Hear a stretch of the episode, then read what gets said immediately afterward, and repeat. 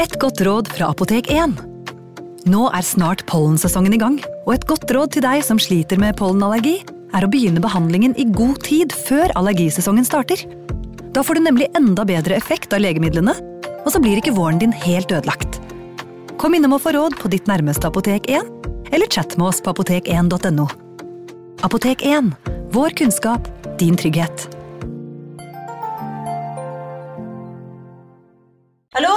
Jeg kommer fra Oslo politikammer. Ine Jansen er purk. Er du purk? The motherfucking bitch. Alt jeg vil, er å finne ut hva som skjedde med mannen min. Jon Carew. Er jeg sikta for noe? Iben Akeli. Det er du.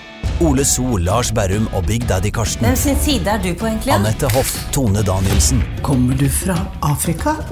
Jørnis Josef, Nesten. Kløfta. Trond Espen Seim, Det er synd å si det, men det var feil mann som døde.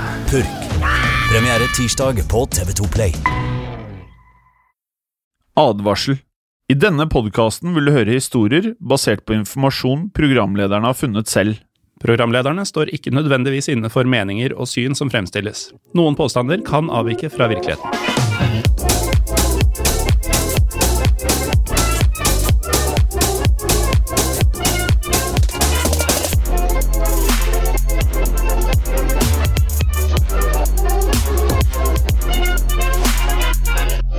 Hei, og velkommen til eh, Historiepodden. Hallo, Morten. Eh, vi, sitter jo, vi sitter jo for første gang ikke i samme rom under innspilling. Nei, veit du, altså Vi snakka om at vi hadde litt spartansk, eh, studio for et par episoder siden, men det var jo ikke noe i forhold til hva vi driver med nå. Nei, for nå sitter du i stua di, og jeg sitter i stuen min. Ja, Sånn må det bli. Nå som eh, alle kan være infiserte av disse greiene, så må vi eh, kjøre sikkerhet, men også produksjon eh, først. Ja. Og det betyr at her får tekniker Bråten mer enn nok å gjøre når han skal få dette til å bli så bra lyd som mulig. Jeg så på iTunes sist når vi heller ikke kunne spille inn i studio. Så Ja. fikk vi enormt med klager, men det her er det vi får til. Så eh, vær fornøyde der ute. Ja, jeg innbiller meg at uh, klagestormen denne gangen vil være litt mer eh, forståelsesfull enn den kanskje var da studio rett og slett var fullbooka. Ja, det er jeg enig i. Ok, hva skal vi uh, prate om da? Jo, eh, det er jo vanlig at vi har eh, en hovedperson i hver episode som vi, som vi følger rundt gjennom eh, dennes liv. Og ofte snakker vi om hendelser som vi følger fra begynnelse til slutt. Men denne gangen så skal vi ikke følge en person eller en hendelse, vi skal snakke om et sted. Et sted som rommer vel å merke både personer og vilt mange hendelser. Det er sant. Og stedet har blitt kjent gjennom en stor, stor film fra 1979, som jeg tror ganske mange av lytterne våre har eh, sett. Den er ganske så kjent. Da må jo du fortelle, Jim, eh, hva slags sted som er så dramatisk at det får en hel episode dedikert til seg. Det er selvfølgelig et fengsel. Eh, og Ja. da tror jeg eh, hver lytter nå skjønner hvilket fengsel jeg snakker om. Det er eh, det hardbarka stedet som kalles for Alcatraz. Eh, som er da i California i USA. Og filmen du da snakket om, det er jo da den velkjente 'Escape from Alcatraz'. Helt riktig, det. Med Clint Eastwood. Der han og to andre fanger som rømmer fra ja, nettopp eh, Alcatraz-fengselet. da. Har du sett den, Jim? Jeg har sett den. Eh, jeg likte den veldig godt. Eh, men så er det jo lagd andre filmer også. Ja, altså Min favoritt Alcatraz-film eh, av de jeg har fått med meg, det er jo selvfølgelig The Rock med Nicolas Cage. Ja, Den, eh, den var viktig i tenårene mine. Ja, og Ed Harris.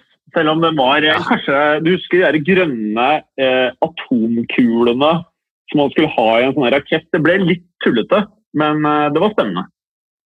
Altså, De eh, atomkulene, de grønne, de var jo liksom, de var så onde at man hadde aldri sett maken til hvor mye ødeleggelse de kunne gjøre. Men gjennom hele filmen så tenkte jeg bare på hvor gode de så ut. Ja, de, ja, de så ut de som godteri. Men de var allikevel veldig onde. Eh, men, men eh, poenget hvorfor vi prater om det, her, er basert på et eh, fluktforsøk da, som skjedde i fengselet. Uh, Ja, så Escape from Alcatraz. Ja, helt riktig. Mm. Og vi skal komme oss dit etter hvert. Uh, men først så må vi prate litt om uh, historien til Alcatraz, for den rommer så mangt. Det gjør den. Um, Alcatraz-fengselet lå på en øy som uh, også heter Alcatraz. Og det tidligste vi vet om denne øya, det er at en spanjol ved navn løytnant Juan Manuel de Ayala gikk i land og utforsket den i 1775. Veldig god spansk for øvrig. Vi har fått masse oppdateringer på Koffjord. Koffjord, hvordan Ja. man sier Koffjord. Eh, og hvis man er eksisterer det en eh, TV-reklame hvor Koffjord blir sagt riktig. Ja, altså Det jeg har fått høre av flere lyttere på Facebook, er at uh, vi sa det riktig første gangen. Ja. Men så dumma vi oss ut ved, ved å gjøre sånn som du akkurat gjorde. det, Å si det flere ganger etter hverandre på stadig sykere måte. Ja. Men Eh, jeg, har mer, jeg har mer spansk til deg, Jim. For eh, da han uh, løytnant Juan gjorde krav på denne øya, så kalte han den Isla de los Alcatraves. Som betyr eh, Fordi den har et rikt dyreliv. eh, det betyr Pelikanøya på norsk. ja. Og du, apropos filmreferanser, du vet jo ikke en gangsterfilm hvor det er masse pelikanreferanser? Jeg kan jo si det hvis du ikke vet det. Det er vel en rapport vi skal fram til her? Scarface. Å ja. Jeg tenker på Legendarisk Å ja, Pelikanrapporten, ja. Den eh, kunne jo vært den. Men den legendariske scenen når eh, Al Pacino ligger i boblebadet, mistet dama, mistet Mm. bestevennene sine, og så er det masse pelikaner på TV. Så tar han en stor snort med et eller annet i nesa, og så sier han 'Pelican fly'. og Det var, det var liksom eh, en, en form for eh, metafor da, for at pelikanene flyr, så flyr også vennene og kona. Ok, men nå er jo da Alcatraz en amerikansk og ikke en spansk øy. Det stemmer, for eh, Alcatraz ligger i San Francisco-bukta, eller San Francisco Bay i eh, California. Og um, USA fattet interesse for denne øya etter hvert, og kjøpte den av spanjolene i 1849. Ja, og i begynnelsen var ikke planen å bruke øya som et eh, fengsel, det kom først senere. Ja, Først så hadde øya litt andre formål. Um, amerikanske myndigheter satte opp eh, det første fyrtårnet på California-kysten der i 1854. Og etter at dette fyrtårnet var ferdigstilt så, og satt i drift, så kom det snart et par bygg til. I utgangspunktet så var tanken at øya kunne brukes som eh, forsvarsfestning, styrt av eh, den amerikanske marinen. Ja, historien ville det annerledes. På et tidspunkt fant nemlig myndighetene ut at den lille øya var særdeles godt egnet til å holde på folk. Det var den. Ja, det var nemlig en liten øy der man kunne ganske lett holde oversikt over alle som var der. Over alle som var der. Det var langt nok unna fastlandet til at det var vanskelig å selvfølgelig å svømme, for det var jo omgitt av vann dette her. Men eh, ikke så langt at det ble altfor vanskelig å da frakte ressurser som åpenbart er viktig når du skal romme en haug med mennesker. Og da også frakte mennesker frem og tilbake. Ja, og så er det, altså En ting er dette med at det er for langt til å svømme, men det er jo også veldig sterke strømmer der fra Stillehavet. Og vannet er kaldt, og det er haier der. Perfekt. Eh, sånn at eh, eventuelle da fengselsfugler ville med andre ord da møte en god del utfordringer, nesten umenneskelige utfordringer, skulle komme seg unna. Ja. Ehm, Så da ble ideen om et fengsel på øya satt ut i live, og i 1861 så brakte de inn de første fangene, og de skal vi fortelle litt om. Eh, mange forskjellige mennesker var jo innom dette fengselet, så vi skal gjøre et utvalg av de mest interessante enkeltpersonene, eller de gruppene som ble, ansatt, eh, ble satt der av eh, interessante historiske årsaker. Ja. For tidlig i fengselets historie ble bl.a. en gruppe på 19 Hopi-indianere fra Arizona satt på Alcatraz. Da må du nesten fortelle oss Jim, hva de hadde gjort for å havne der. Ja, De satt der for eh, fredelig og da ikke-voldelig motstand mot myndighetene. Eh, og amerikanske myndigheter var eh, da ikke akkurat de hyggeligste mot indianerne, eller native americans, som man kaller de. På den tiden gjennomførte da myndighetene lovforslag som diskriminerte urfolk, og forsøkte å ta dem fra de, den kulturen de hadde, og frata dem også rettighetene deres. Og 19 av de som gjorde fredelig motstand, de ble satt i fengsel. Litt senere ble amerikanske soldater som hadde deltatt i den filippinsk-amerikanske krigen, satt der også. Det høres jo kanskje rart ut, men disse amerikanske soldatene de hadde kjempa på filippinernes side. Ja, det er ikke en krig vi har eller hadde hørt noe særlig om før dette. Eh, kan tenkes at det, ikke at det ikke er mange av lytterne som har hørt om den heller.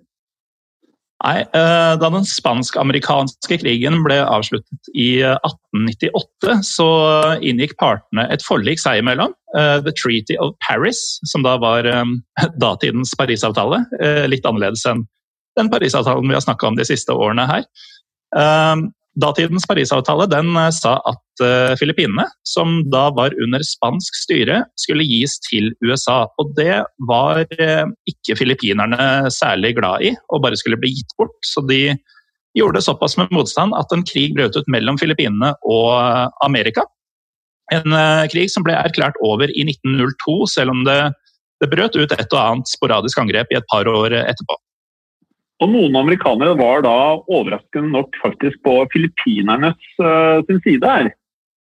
Ja, tydeligvis. Eh, og noen var også rett og slett desertører, som bare ikke gadd å krige mer når de først hadde kommet seg til dette lille ferieparadiset. Eh, og det var disse som ble sendt til Alcatraz. Ja. Senere, i 1907, tok militæret kontrollen over fengselet. Og de brukte det til å huse krigsfanger. Noe de holdt på med en ganske god stund før eh, Justisdepartementet overtok driften i 1933. Dermed ble også da fanger og kriminelle av den vanlige sorten eh, vanlig, vanlig, også sendt til Alcatraz. Så en god ja, blanding. En god blanding. og Når vi sier vanlig, så mener vi da de ikke-militære eh, ja. fangene. Men vi, vi, mener også de som eh, ble ansett som de farligste fangene som var innom det amerikanske rettssystemet. Uh, I tillegg til de som skapte aller mest trøbbel i andre fengsler på fastlandet, gjerne. Altså Folk som uh, gjorde ting som å starte mange slåsskamper, som prøvde å bestikke vakter, eller som stadig forsøkte å flykte fra disse fengslene, de ble sendt til uh, øya Alcatraz, fordi Alcatraz var et høysikkerhetsfengsel. Og som man skjønner, da. Altså Rømningsmulighetene her var eh, om ikke umulige, veldig, veldig krevende og vanskelige. Eh, sånn at eh, man så jo på Alcatraz som et sted det ikke var mulig å rømme fra. Ja, og så var det jo svært strenge forhold her. da. Så Cellene var tre ganger halvannen meter. Og til alle studenter der ute som føler at det er umenneskelig å bo på åtte-ti kvadrat, eh, så kan du jo prøve deg på en eh, sånn stelle i årevis. Men uh, Alcatraz hadde plass til uh, 450 fanger. Men på det meste var det bare litt over halvfullt. På det meste hadde de kun 250 fanger bura inne, så det var jo lett å holde oversikt over hvem som var der.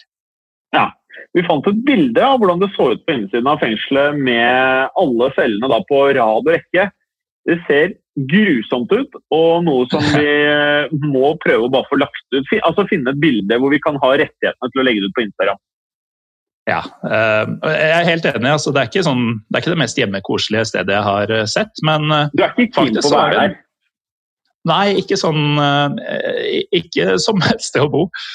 Men det var faktisk en del fanger som syntes Alcatraz var et attraktivt fengsel å sone i.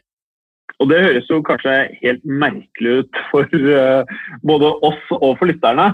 Det at et høysikkerhetsfengsel skulle være attraktivt, men det var det det var. Ja, De cellene jeg nevnte, de var jo trange, men de var private eneceller. Og det var jo attraktivt for mange innsatte. For du kan jo se for deg at du skal sone i fengsel i mange år, og så har du si én, to, tre romkamerater på samme celle som snorker og stinker og bråker og krangler og osv. Jeg ser for meg at mange av de som er i fengsel, kanskje ikke er veldig opptatt av hygiene. Og ikke er veldig Nei, ikke opptatt av naboen sin. Så det å ha litt privatliv og en celle helt for seg selv, det, det kan jo virke tiltalende, da. Og ikke minst så har vi jo sett nok fengselsfilmer og serier Jim, til at uh, man skjønner at det er greit å slippe å sove med et øye åpent i tilfelle en av cellekameratene pønsker på noe bøll? Det er jeg enig i. Eh, ikke at jeg vet helt hvordan det faktisk er, men jeg kan sette meg inn i det. Og jeg ville heller hatt et lite sånn fengselscelle enn eh, et stort med tre andre karer. Mm. Men Morten, du sa jo da at mange av fangene ble sendt dit fordi de skapte mye trøbbel, eller forsøkte da, å rømme til stadighet. Um, og noen av dem skapte vel eh, litt faenskap, uh, ut ifra hva jeg har skjønt, bare for å bli sendt dit.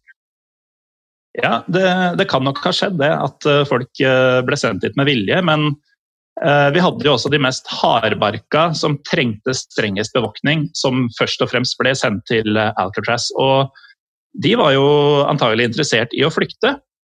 For noe som er enda bedre enn en privat enecelle, er jo å ikke ha noen celle i det hele tatt. Men uh, når du havnet da på Alcatraz, var jo, som jeg har vært innom, det, hvordan rømmer du? Nei, ikke sant. Og det at det virket i praksis umulig, det hindra jo ikke folk i å prøve. og det skal vi jo se på senere. Men disse fluktforsøkene de var veldig sjeldne pga. den høye sikkerheten og de dårlige oddsene du hadde hvis du prøvde.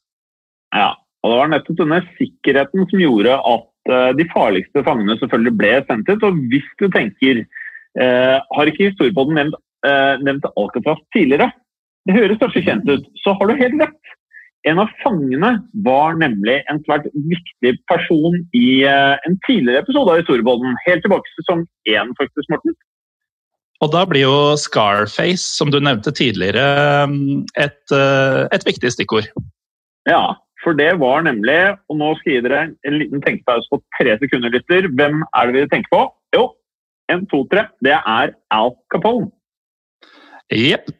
Så uh, for de som ikke har vært med oss siden starten, så kan vi jo friske opp hukommelsen litt. Um, Al Capone, altså Chicagos underverdens store herre, som organiserte gambling, prostitusjon, alkoholsmugling under forbudstiden. og selvfølgelig massakrerte rivaliserende gjenger. Som også var veldig glad i pene silkedresser, silkesløyfer, silkeslips. Eh, man kan jo gjerne da, hvis man ikke har hørt denne, gå tilbake til episode, eller sesong én og høre på Chicago-gangsterne. Mm. Vi har jo to episoder på rappen. Det er vel eh, om noenlunde det samme. Eh, en om Valentine's Day Massacre og en om gangsterne generelt. Så der er det mye episoder. Blant mine favoritter. Ja, helt enig. Uh, og som vi kom fram til i, uh, i, en av de episodene, så ble jo da Capone i 1931 dømt for skatteunndragelse og alkoholsalg. Ja, og, eh, men de, de, fikk jo ikke dømt ham for den der nedplaffingen da, og alle de drapene som han uh, åpenbart sto bak. Nei, det, det gikk mest i skatteunndragelse, faktisk. Ja, men Capone fikk faktisk da hele elleve år han, i fengsel for dette. Eh, han ble ganske snart overført til Alcatraz-fengselet, og det skjedde, slik vi har forstått historien, i 1934. Ja, og En av grunnene til at han ble sendt dit, det var da at uh, han gjorde dette som folk gjorde for å havne på Alcatraz. Uh, Bl.a. Uh, å prøve å bestikke vaktene i det forrige fengselet gjentatte ganger. Og da blir det Alcatraz, da. Ja. ja. det er akkurat det man har forventet av en fyr som Capone. Eh, og vi hører faktisk ikke så mye om hva Al Capone foretar seg på Alcatraz. Derfor så eh, kan vi jo egentlig bare anta at han holdt seg relativt i ro da, i perioden sin der. Som kan si ja, litt om hvor, hvor, hvor, skummelt det måtte være bare tanken på å flykte derfra. Mm. Nei, altså Jeg husker jo fra vi, eh, fra vi, gjorde research til de episodene at vi syntes den koblinga mellom Capone og Alcatraz var ganske, ganske sexy. Så vi ble overraska over hvor lite det var å finne om det akkurat da. Men som vi nevnte i den episoden, så hadde han jo syfilis, så han var nok mye syk og holdt seg derfor i ro. Og i 1939 var han faktisk så syk at han ble løslatt og sendt til sykehuset, hvor han bare noen få år senere døde av sykdommen. Mm. En annen gangster som fant veien til Alcatraz, det var George R. Kelly, også kalt Machine Gun Kelly. Oh, det, eh, altså, dette tar meg tilbake til de eh, episodene i, eh, i sesong én med alle de deilige gangsterkallenavnene. Oh. Elsker de. Machine Gun Kelly, han Fantastisk navn, ja. Han, og for de som da ikke trekker parallellene, Machine Gun selvfølgelig er en eh, pistol som skyter veldig mange kuler på kort uh, tid. Uh, Machine Gun Kelly han smuglet sprit, han ranet banker, selvfølgelig. Enhver gangster med litt respekt for seg selv gjorde jo det. Og foretok seg også en kidnapping i lag med flere forskjellige gjenger. Og da han ble overført til Alcatraz, ble han der også som Capone, helt til sin død. For uh, eventuelt forvirrede rappinteresserte lyttere, så er da ikke dette den samme Machine Gun Kelly eh, som har rappa og lagd musikk uh, i nyere tid. Og George R. Kelly, som han egentlig het, er heller ikke den samme som R. Kelly, som dere også kanskje kjenner fra nyere tid. Um, de to sistnevnte de er vel egentlig i live fortsatt, og har vel så vidt vi vet ikke rana noen banker. Nei, men han ene er veldig mye i klammeri med Eminem. Så mm. eh, han, han, har jo valgt det navnet for han ønsker å være bad. Samme som han ja, eh, Rick Rose, som har eh, tatt navnet til uh, som, Det her kommer garantert til en episode i Storbånden. Det er Freeway Rick Ross, en av de største kokainsmuglerne gjennom tidene. Ja vel. Ehm, den tredje kjente fengselsfuglen på Alcatraz eh, var en mann, og da sier jeg fengselsfugl med vilje, en mann ved navn eh, Robert Stroud, som eh, hadde det interessante kallenavnet The Birdman of Alcatraz. Å, nydelig! Nydelig kallenavn! Eh, og da, når du sier at kallenavnet hadde med hensikt, prøvde han da å fly fra Alcatraz, da, eller mener du? Nei, uh, han gjorde ikke det, men uh, det hadde jo vært en, uh, en, ganske fin historie å gå inn på hvis det hadde vært tilfellet. når jeg hører Birdman, så ser jeg for meg han derre forferdelige, sosialt klønete, hengslete Gabe fra The Office. Ja, Det gjør ikke jeg. Jeg ser for meg Baby fra Rich Gang. Også en rapper. Birdman-navnet har da mer med alle fuglene på øya å gjøre, selvfølgelig. Ja, Vi var jo innom dette rike dyrelivet og pelikannavnet og sånn tidligere. og Dette er nok nærmere sannheten enn et eh, flyforsøk. Eh, Robert han ble dømt til eh, tolv års fengsel etter at han drepte en mann da han selv var ganske ung. De hadde visstnok krangla om ei dame, og det er jo ganske ja. Han ble først da sendt til et fengsel i nærheten av staten Washington, som ligger et stykke nord for, for California der han stadig havnet i bråk og endte opp med å rett og slett knivstikke en annen ansatt, innsatt. Mm, selvfølgelig måtte han eh, ende opp med det. Og vi husker hva som skjedde med de som skapte ugagn i dette fengselet. Ja, Da var det ofte Alcatraz neste, men først ble Robert overført til et fengsel i Kansas i 1912. Ja, og Han satt heller ikke stille da i dette fengselet, for han tok livet av en fengselsvakt faktisk i 1916. Og da ble han dømt til galgen, men han ble reddet i siste liten da noe så eksklusivt som en president, altså president Woodrow Wilson, endret straffen hans fra døden til et livslangt opphold i fengsel. Og siden det var eh, betydelig fare for gjentagelse, som, eh, som, Robert hadde vist, så ble fengselslivet i Kansas eh, for det meste tilbrakt i isolat. Ja, og siden Robert dermed tilbrakte mye av tiden sin på egen hånd, så fant han seg en hobby. Og hobbyen det var å avle fram kanarier og andre fugler, som han da studerte inngående. Han skrev ned funnene sine innen sykdom og fuglehold, og disse funnene ble smuglet ut av fengselet og publisert i 1943. Og funnene ble faktisk ganske innflytelsesrike i fuglefeltet på den tiden, faktisk. altså, han, han, drev rett og slett med avansert uh, fugleforskning fra cella.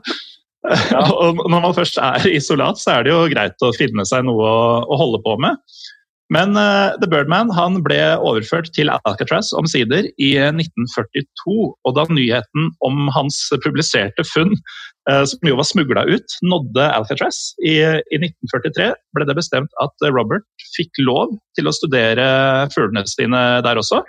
Men han fikk forbud mot å publisere noen av funnene sine.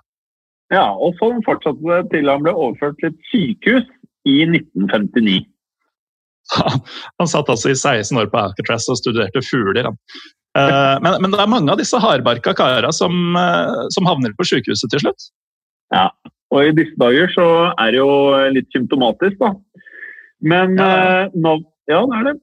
Vi sitter jo i isolasjon sjøl, faktisk. Det er grunnen til at lydopptaket er litt dårligere.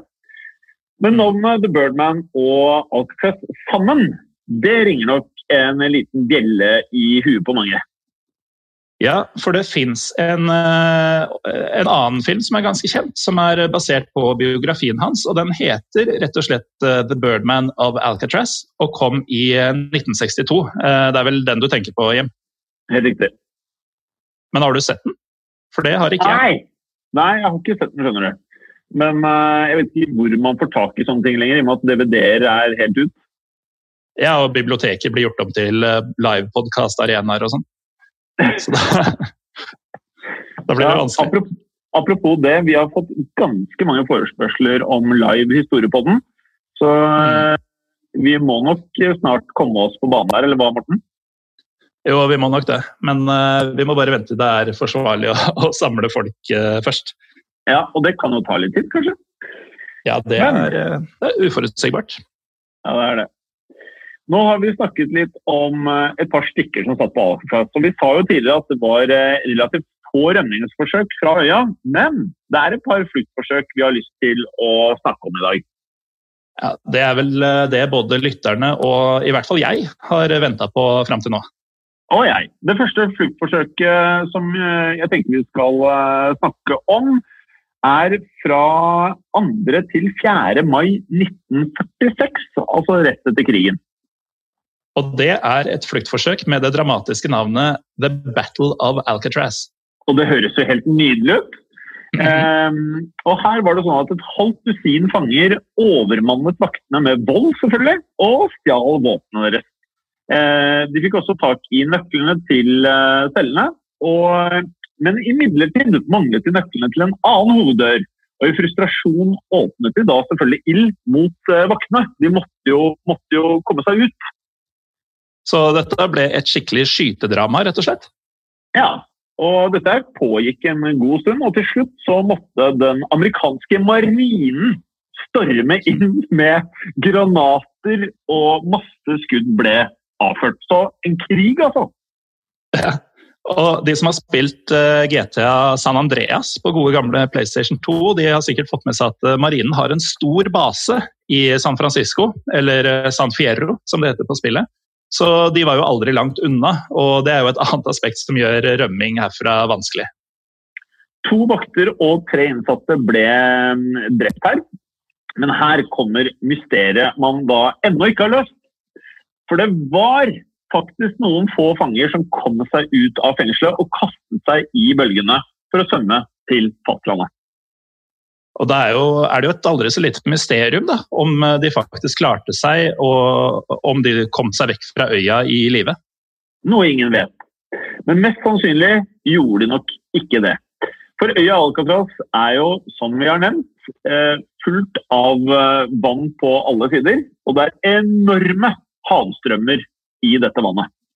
Eh, så det å svømme her, det å komme seg ut av selve fengselet ut i vannet, det var egentlig bare første etappen, og kanskje den enkleste etappen, selv om det høres eh, mm. ganske heftig ut, det også.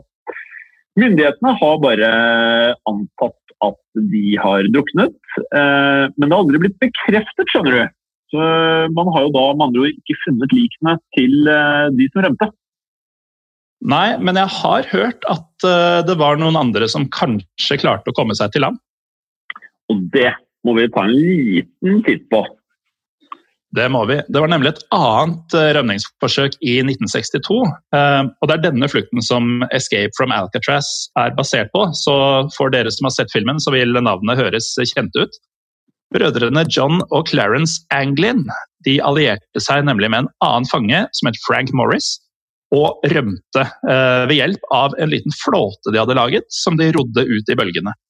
Og her lurer de store spørsmålene. Og her er det mange som har klødd seg i huet og lurt på om disse karene da klarte å komme seg forbi havstrømmene.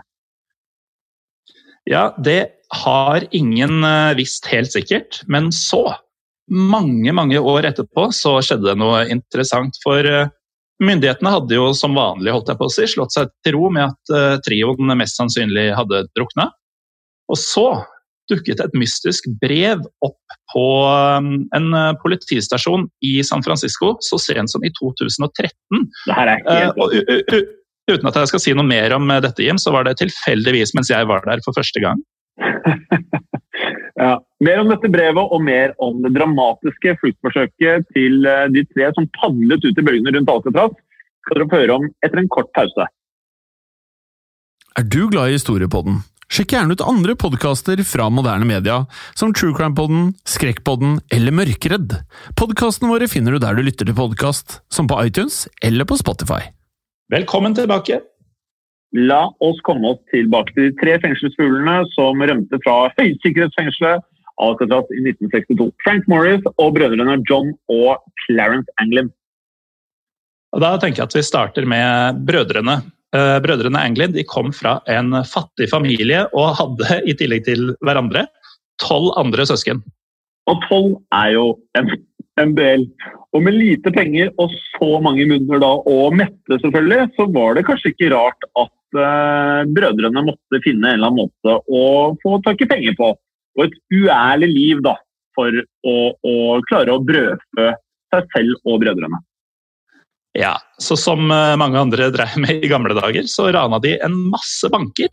Men på en litt eh, uortodoks, måte, for de var ikke noe særlig glad i vold, virker det som. Nesten alle bankranene ble gjennomført når bankene var stengt.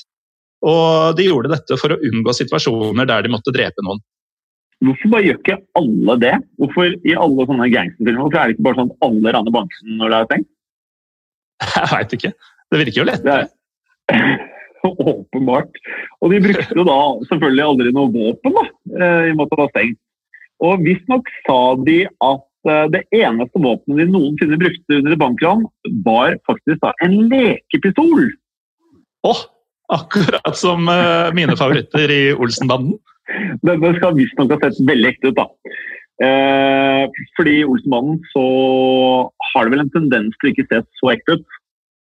Ja, det, den var ikke rett fra lekebutikken, eh, den som disse brukte, antagelig. Eh, men i motsetning til en Egon, da, så syns ikke disse brødrene at fengsel var noe, var noe blivende sted. Eh, de likte seg ikke der.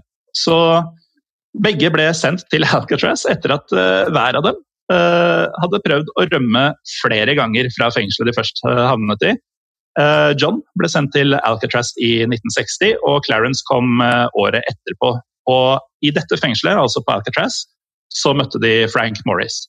Ja, og Frank Morris han var en ransmann og en narkolanger. Eh, han endte først opp i fengselet i Louisiana, men rømte derfra i 1959. Friheten hans da varte jo ikke lenge på dette tidspunktet, for han ble arrestert igjen da han begikk et innbrudd allerede i 1960. Og etter arrestasjonen ble Alcatraz, Alcatraz hans nye eh, bosted. Og Morris og brødrene de ble mm, venner i fengsel, for de fant ut at de hadde en, eh, en felles interesse. De var eh, svært interessert i å rømme, alle tre. Ja, og det skal jo ikke når man ønsker å komme seg vekk fra fengsel. Så de fant tonen og ble gode venner. Og med dette vennskapet og de erfaringene som de alle tre hadde fra før i bånn, så begynte disse karene å klekke en plan. Ja, for i desember 1961 ramlet eh, en i trioen over noen gamle fagblad. Eh, det ga dem en idé, nemlig selvfølgelig, og det kan man jo skjønne hva var. Det var nemlig en liten ventilasjonssjakt i alle cellene. Disse ledet ut i korridoren, og Trion stjal også motoren på en ødelagt støvsuger. De brukte støvsugermotoren til å lage en hjemmelaget drill, eller en motorsag. det, det, det, begynner å bli eh, ganske voldsomt uh, allerede. Altså, tenk at de fikk til dette uh, på et topp bevokta fengsel. At de bare snubla over masse sagblader og sånn. Men også at de fikk ha alle disse tingene uoppdaga på disse bitte små cellene som vi nevnte tidligere. Men vi har altså da eh, sagblad, en drill og små ventilasjonssjakter. Og mm, det begynner å lukte litt graving her, eh, Jim? Og nesene lukter ting helt rett, selvfølgelig. De brukte drillen til å drille små hull tett i tett rundt hele ventilasjonssjakten. Så gravde de med sagbladene, og da faktisk med skjeer. De brukte skjeer til å grave. Det, det, å, det, å, grave seg fri med en skje, det er sånn klassisk fengselsrømning-greie. Det er jo uh, Shawshank Redemption-stil over det for øvrig den mest populære filmen på IMDb, eller den med høyest IMDb-score. Den går igjen, den der. Uh, når de hadde drillet og gravd, så kunne de da ta ut den delen av veggen totalt. De, de bare fjerna den. Ja, og man tenker jo kanskje at en drill det bråker jo ganske, ganske bra, noe som eh, disse også hadde tenkt på. Eh, det vekka bekymring hos de tre gutta. For vaktene måtte jo ikke under noen omstendigheter høre hva som foregikk. Men de fant en måte å dekke over lyden på. Fangene fikk nemlig lov å ha musikkinstrumenter. Og eh, det er som sagt da litt sånn at man ønsket jo at fangene skulle ha hobbyer. Og Frank Morris han hadde et trekkspill. Alle som har vært hos sine besteforeldre noen gang, de vet at et trekkspill det lager lyd. Så uh, Frank Morris Ja, det kan godt være. Ja. Men uh, Frank Morris han satt uh, altså og spilte trekkspill så høyt han kunne, mens de andre arbeida med å skru løs veggen rundt ventilasjonssjakta si. Selvfølgelig gjorde han det. Ja da, det er lurt, dette. Ja, Imellom arbeidet dekket de da til sjaktene og hullene rundt med papplater og kofferter. Og til slutt kunne de faktisk ta vekk den delen av veggen og bare rett og slett krabbe ut i korridoren. Og nå er jo spørsmålet hva neste steg skulle bli. For um, å være ute i korridoren var, var ett steg på veien, men uh, de var ikke utafor fengselet. Og de hadde jo i hvert fall ingen måte å trosse det sterke havet på ennå. Nei. Og kreative som de var, så fant de på flere løsninger. Bak celleblokka deres var det nemlig en liten ubevokset korridor. Og Derfra klatret de opp på taket til celleblokken deres, altså fortsatt på innsiden av fengselet, men alle cellene oppå hverandre hadde jo tak. Så de dannet en slags eh, blokk du kunne sitte på taket under det ordentlige fengselstaket, hvis det var mulig å forstå. Jeg tror jeg skjønner at uh, ja, De klatret oppover på en måte, da. Mm. Du kommer deg oppå cella, men er fortsatt under taket til selve fengselsbygget. Ja, helt. Um, så de er jo da på toppen av denne, denne blokka med celler. da. Uh, fortsatt uten noen vei ut, men uh, med litt privatliv uten vakter som kunne se dem. Ja. Altså, de satte opp et lite hemmelig verksted der oppe, faktisk. Eh, og de kunne også skimte en ventilasjonsluke ti meter oppover i, opp i fengselstaket. Og ved hjelp av rørene på veggen klatret de opp og fikk løsnet ventilasjonsluken. Og den luka den leda helt Ut, selvfølgelig. Ja, ut i friheten. Nesten. For de var jo fortsatt oppå toppen av fengselet. På en øy eh, som var omringa av disse hissige vannstrømmene.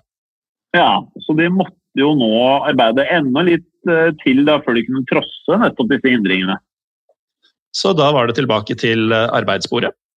Ja, og for at ingen skulle legge merke til ventilasjonsluken og at den var åpen, så lagde de en falsk eh, bolt som da holdt denne igjen. Det som er fascinerende når man hører kriminelle og alt de finner på, tenk deg hvis du hadde brukt tiden på å gjøre lovlige ting. Mm. Det er litt sånn som eh, Frank Abagnale, dette her. Altså, ja. all, all, den kunnskapen og kreativiteten og oppfinnsomheten at den kunne vært brukt på noe godt. Eh, her var det snakk om å komme seg tilbake til sitt kriminelle virke så fort som mulig. Og med denne bolten så så det ut som om eh, ventilasjonsluka var låst, men den var jo da egentlig ikke det. Og jeg, eh, jeg elsker hva de brukte for å lage denne falske båten med Øyem. Ja, det gjør jeg òg. Det ble nemlig laget av et stykke såpe. Ja, så vi, vi snakker om ordentlig kreative fengselsfugler her. Ja, de måtte bruke det de hadde, selvfølgelig. Så hvorfor ikke ta på stykket? Det funket. Så, så lenge det ikke kom noe vann på det, for da smuldret det jo opp, da. Så um, det de nå måtte gjøre, var å lage en flåte for å komme seg av Alcatraz-øya. Og her var det jo også en god del oppfinnsomhet med i planen. Um, en av disse gutta sto og holdt utkikk etter vaktene, mens de andre satt og arbeida i dette hemmelige verkstedet som de hadde på toppen av cellene. Uh, og her brukte de også materialer som de hadde stjålet eller funnet i fengselet. Så hvis du tenker deg Jim, at uh, du skal lage en flåte og helst også redningsvester ut av uh, materialer som ligger og slenger i et fengsel som du bare kan finne litt sånn i gangene og på rommene og sånn, da, da, må du være litt kreativ. Det er som vi ofte har prata om, vi hadde jo ikke klart noe av dette her. Eh, ja, vi, hadde vært i nær. vi hadde jo, vi hadde jo daua sikkert ganske fort i det der fengselet der, tror jeg. Eh, ja, men man, ja, ja, å, om vi hadde fått juling. Men man tenker jo som oftest at uh, flåter lages av tre. Eh, men uh, det var jo ikke akkurat det de hadde kanskje mest tilgang på. Så denne flåten ble da laget av regnfrakker. ja, det høres jo helt absurd ut, men de, de hamstra uh, Enda en referanse til uh, samfunnet vi er i i dag. De hamstra uh, over 50 regnfrakker som de sydde sammen. Og deretter smeltet sømmene sammen ved hjelp av glovarm damp fra noen av rørene i fengselet igjen, de gutta her kunne vært uh, gründerne av uh, Facebook eller Google. Ja. Og da ble jo disse ei vanntette. Uh, og de var smarte, selvfølgelig, men de måtte jo blåse opp flåten på noe vis. Sånn at uh, den skulle flyte, altså få da luft inni disse regnfrakkene, da. Ja, men vi, nå skal vi ikke begynne å undervurdere disse gutta. Uh, de hadde en uh, flåte som var ca. to ganger fire meter. Og handy som de var, så bygde karene rett og slett et musikkinstrument om til et verktøy som de kunne blåse opp flåta med. Ja, det er jo perfekt, det, da. Jeg kan se for meg en fløyte eller noe som funker perfekt til det. Ja, men Her har vi altså gang nummer to at uh, et musikkinstrument har en sentral rolle i rømningsplanen deres. Så alt kan tydeligvis brukes bare man er kreativ og oppfinnsom nok. De fikk litt eh, treverk eh, også, så de klarte å snekre sammen noen årer. Og Da føles det ut som de har tenkt på det aller, aller meste. Eh, men eh, det kunne jo ikke gå fort, dette her. Eh, når vi leste dette, her, så tenkte jeg jeg trodde dette kom til å ta flere år. Jeg. Men det tok faktisk da bare seks måneder å fikse dette, selv om det er lenge. Så trodde jeg det skulle ta enda lengre tid. Ja, det trodde jeg også, for det er jo museskritt på museskritt, dette her. Ehm, men eh, når 11.6.1962 kom, eh, da var eh, det klart for å prøve å flykte fra Alcatraz. Morris og brødrene de kom seg ut i korridoren, klatra opp på celleblokka, tok med seg alt utstyret, og det er jo en bragd i seg selv, og klatra opp disse rørene og ut på fengselstaket Eh, for så å klatre ned den store pipa til fengselsbakeriet. Ja, og det er jo egentlig bare flaks at den ikke sto i full fyr da de klatret ned. da. Ja, Da hadde det ikke gått. Eh, men de kom seg ned på bakkeplan og snek seg derfra ut og klatret over gjerdet uten at vaktene så dem. Og Deretter så var det rett og slett bare å snike seg ned til vannet, sette flåta til sjøs, og så var de borte. Ja, og Planen var å komme seg til en øy i nærheten kalt Angel Island, og derfra ta seg til fastlandet. Og dessverre, som vi nevnte, det er ingen som vet om de klarte dette. her, Og ingen vet om de kom seg forbi de hissige vannstrømmene og alt av bølger og haier. Uh, nei, det vet man ikke, men uh, da morgenen uh, grydde, så fikk jo vaktene som skulle ta morgenrunden og sjekke cellene, et aldri så lite sjokk på Alcatraz. For i sengene til disse tre rømlingene så lå det malte hoder av pappmasjé med ekte menneskehår på. Sammen med litt sånn diverse rask og greier under teppene, da, som gjorde at det, det, hadde sett ut som de lå og sov eh, fint i cellene sine, alle tre. Og disse hodene hadde jo da lurt eh, nattevaktene trill rundt. Ja, og da hodene ble oppdaget, fikk jo selvfølgelig vaktene fart på seg. og Hele fengselet ble under en shutdown og ransaket. Og de fant ingen Morris og ingen av Anglin-brødrene. Derimot fant de en annen fange som sa at han skulle fortelle dem alt de ville vite om rømningsplanen. Ja, og denne karen har vi ikke hørt om ennå, men det var en fjerde fange som egentlig skulle være med på dette fluktforsøket. I eh, filmen så feiger han ut, han får kalde føtter. Men eh, det som virkelig skjedde, var at han ikke hadde rukket å grave hull i ventilasjonsluka i cella si tidsnok. Ja, og han ble jo da selvfølgelig FBIs informant. Fordi FBI ble selvfølgelig involvert med én en eneste gang her. Og Det er pga. han at vi vet så mye om hva trioen faktisk hadde gjort for å klare å rømme. Ja, så Med fersk informasjon om hva planen til disse gutta var, så begynte vaktene og FBI å gjøre søk i vannet, og de fant biter av både treverk og gummi fra regnjakkene. Eh, etter hvert så ble en av de hjemmelagde redningsvestene slengt opp av vannet på en strand uten at de fant noe mer. De fant heller ingen lik, men det de fant var noen knokler som ble vasket opp av havet inn på kysten, som de mente at det var sannsynlig at det tilhørte rømlingene. Som ikke høres helt lovende ut med tanke på at man, konspirasjonen er at de faktisk overlevde. Ja, ikke sant? Og, og Saken ble jo etterforska lenge, men etter hvert så, så, la de den vekk. Og FBI antok, uh, antok at det var usannsynlig at mennene hadde overlevd. Ja, for ikke bare skal de ha klart å komme seg levende i land, de må jo også ha forsvunnet helt om de klarte dette her. Så det føles jo ikke ut som sannsynligheten er på deres side, i hvert fall. Nei, eh, men eh, planen deres da, hvis det kom seg til land, det var å stjele en bil. Men eh, FBI fant aldri noe om ingen sånn missing car reports eller melding om stjålne biler i området. Og familiene til disse var vi jo litt inne på tidligere, de var altfor fattige til å kunne ha hjulpet eh, til eh, med akkurat det. Så FBI de arbeida med denne saken i 17 år, men fant ikke antydning til spor som tilsa at rømlingene hadde overlevd denne flukten. Mm. Så det kan virke som om eh, strømmen og havet faktisk da knuste Frank, John og Clarence drømmer om å være de som rømte fra Enterprise. Ja, det var det, da. For eh, filmen antydet jo at de kanskje hadde overlevd. Men i virkeligheten mente FBI lenge at de måtte ha drukna på havet. Det var liksom ikke noen annen, uh, annen mulighet. Og det er her vi kommer tilbake til det mystiske brevet som dukket opp på en politistasjon i San Francisco da jeg var der i 2013. Og det der er så spennende. Ja, fordi uh, det brevet hadde en avsender.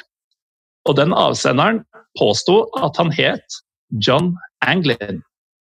Og det er jo en av de som rømte. Nettopp. Og i dette brevet så sier han som sier at han er Anglin, at alle tre faktisk hadde overlevd. Og alle hadde klart å komme seg så vidt over til Angel Island. Hvis de hadde levd i skjul såpass lenge, da, så virker det ikke som en eh, god idé kanskje å avslutte seg selv på den måten. jeg vet ikke, Men eh, avsenderen hadde et mål med dette brevet.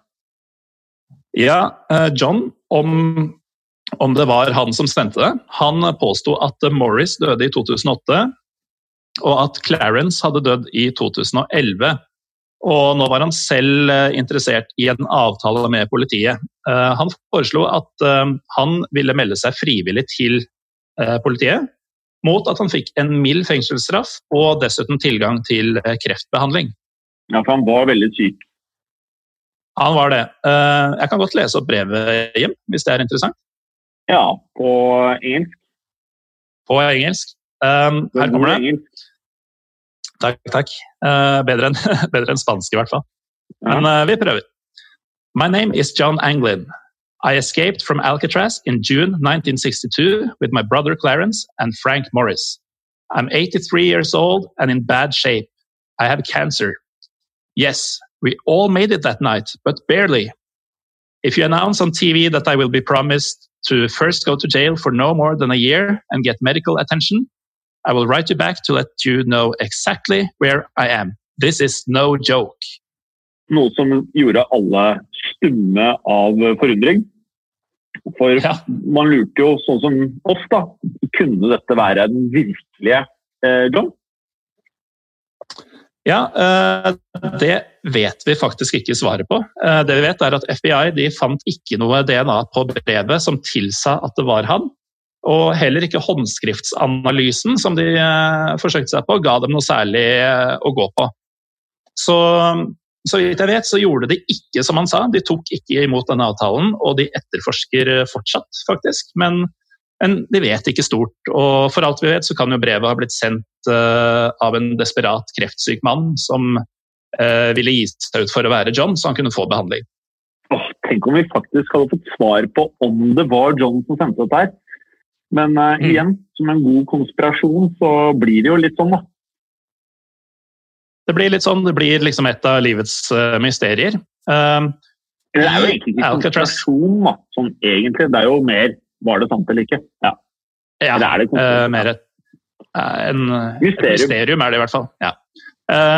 totalt i løpet av Alcatraz fengselets historie så var det 36 personer som forsøkte å flykte.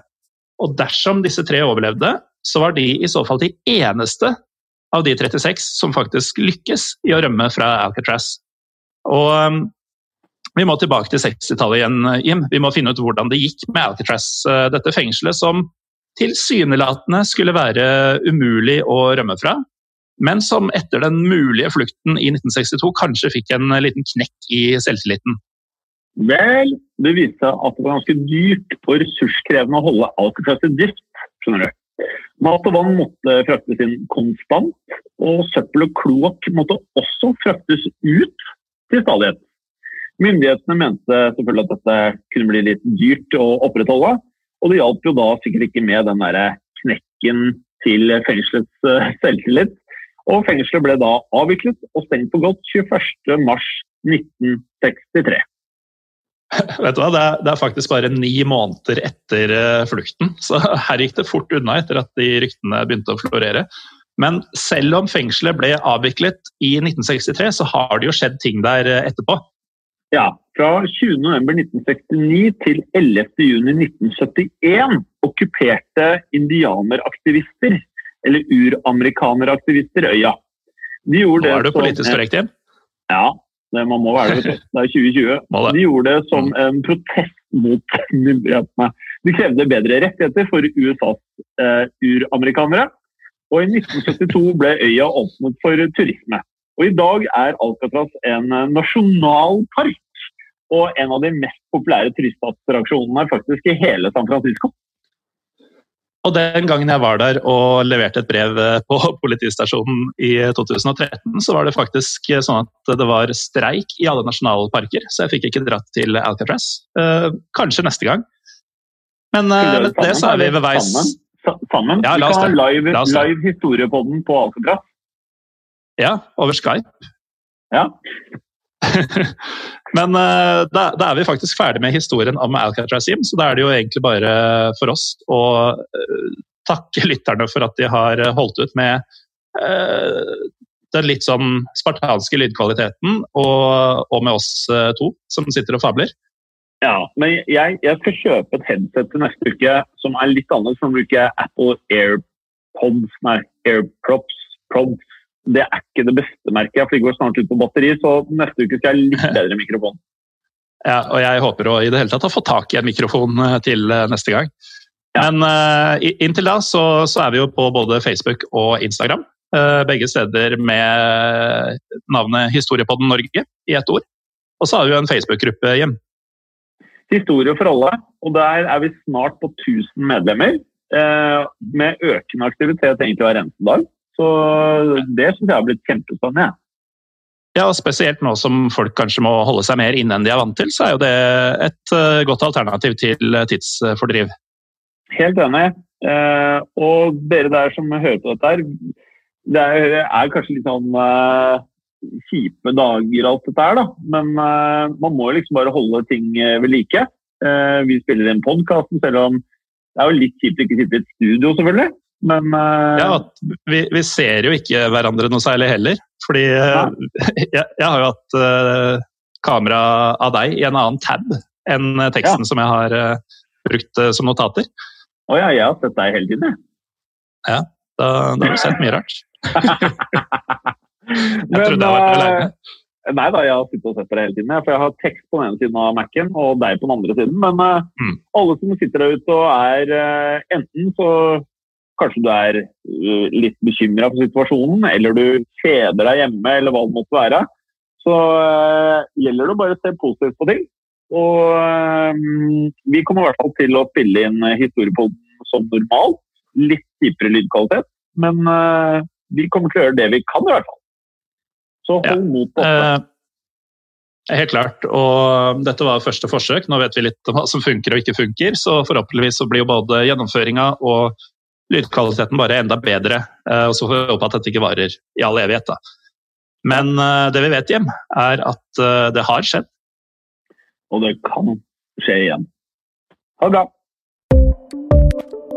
I produksjonen av Historiepodden så ønsker vi å takke Håkon Bråten for lyd og musikk. Takk til Felix Hernes for produksjon. Takk til Ellen Froktenestad for tekst og manus. Og takk til deg, Morten Galesen, for programlederrolle. Og takk til deg, Jim Fosheim, for programlederrolle. Moderne media. Har du et enkeltpersonforetak eller en liten bedrift? Da er du sikkert lei av å høre meg snakke om hvor enkelt det er med kvitteringer og bilag i fiken, så vi eh, gir oss her, vi. Fordi vi liker enkelt. Fiken superenkelt regnskap. Hei, og takk for at du lytter til Historiepodden. Skulle du ønske at du kunne høre en ny episode av Historiepodden hver eneste uke? Vel, da er det én ting å gjøre. Da kan du laste ned podkastappen Untold med det samme. For i tillegg til ukentlige episoder av podkaster som Historiepodden andre verdenskrig, Henrettelsespodden og også Gangsterpodden, så får du masse annet reklamefritt og også eksklusivt innhold. Last ned Untold i AppStore eller Google Play og start din 30 dagers gratis prøveperiode allerede i dag.